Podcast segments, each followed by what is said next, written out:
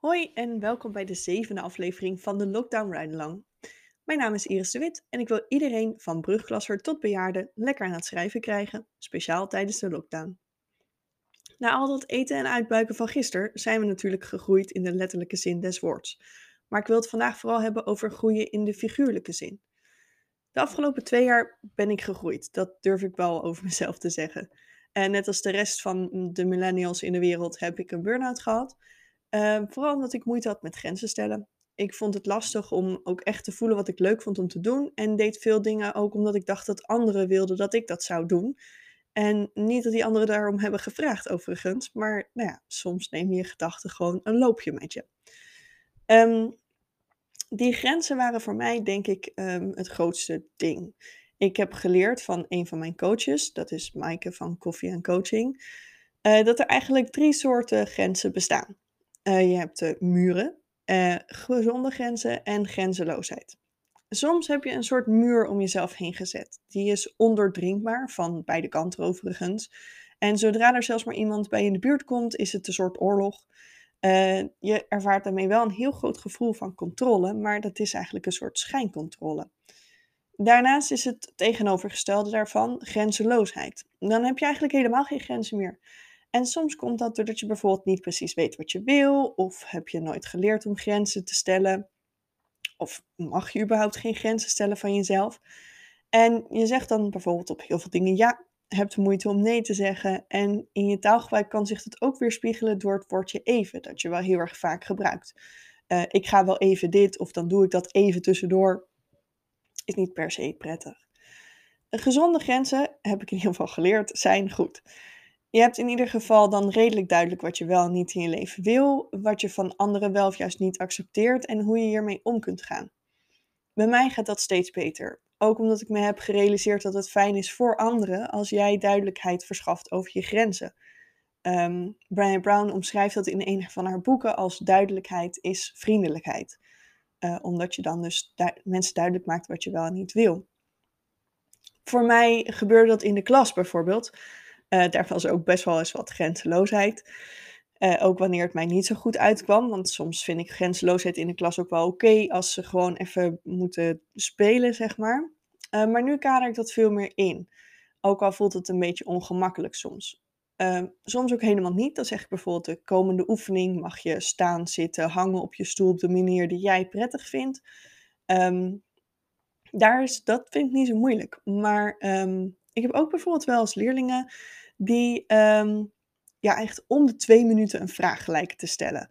En op zich is, ben ik heel erg uh, voor nieuwsgierigheid en dingen checken bij je docent. En uh, is het fijn als je vragen durft te stellen. Er zijn natuurlijk ook geen domme vragen. Maar als je zoveel vragen stelt, dan, en ik beantwoord ze ook allemaal, dan leert de leerling van mij niet wat ik wil dat hij leert. Want uh, leert ze dan bijvoorbeeld dingen om zelfstandig te kunnen oplossen? nee, of leert die leerling dan om andere leerlingen ook de ruimte te geven om te praten of vragen te stellen? Nou, meestal ook niet. En dat zijn dingen die ik ook belangrijk vind om te leren: zelfstandigheid en uh, nou ja, gelijke verdeling in de klas.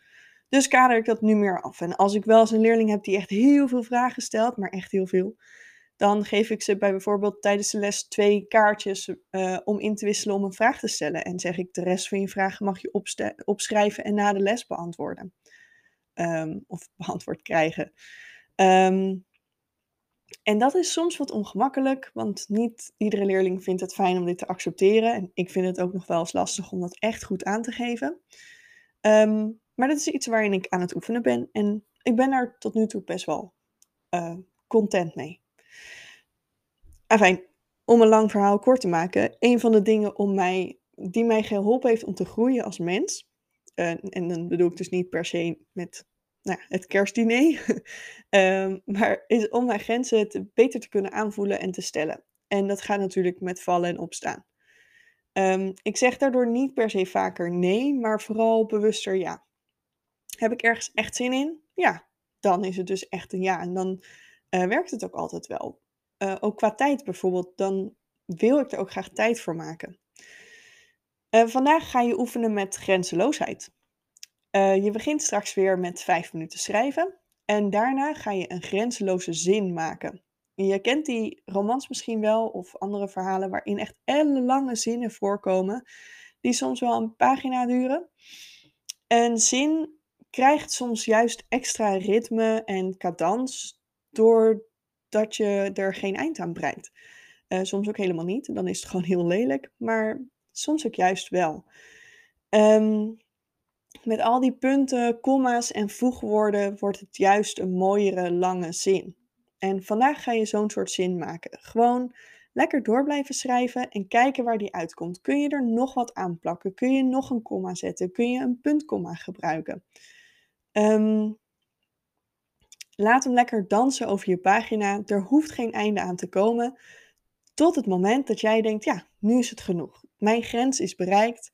En zet hem dan vol overtuiging neer, die punt. Dat was hem voor vandaag. Ga lekker grenzeloze zinnen schrijven. nou ja, zinnen, het hoeft er maar één te zijn. Ik ben er morgen weer met een nieuwe oefening en ik hoor je graag dan. Doei!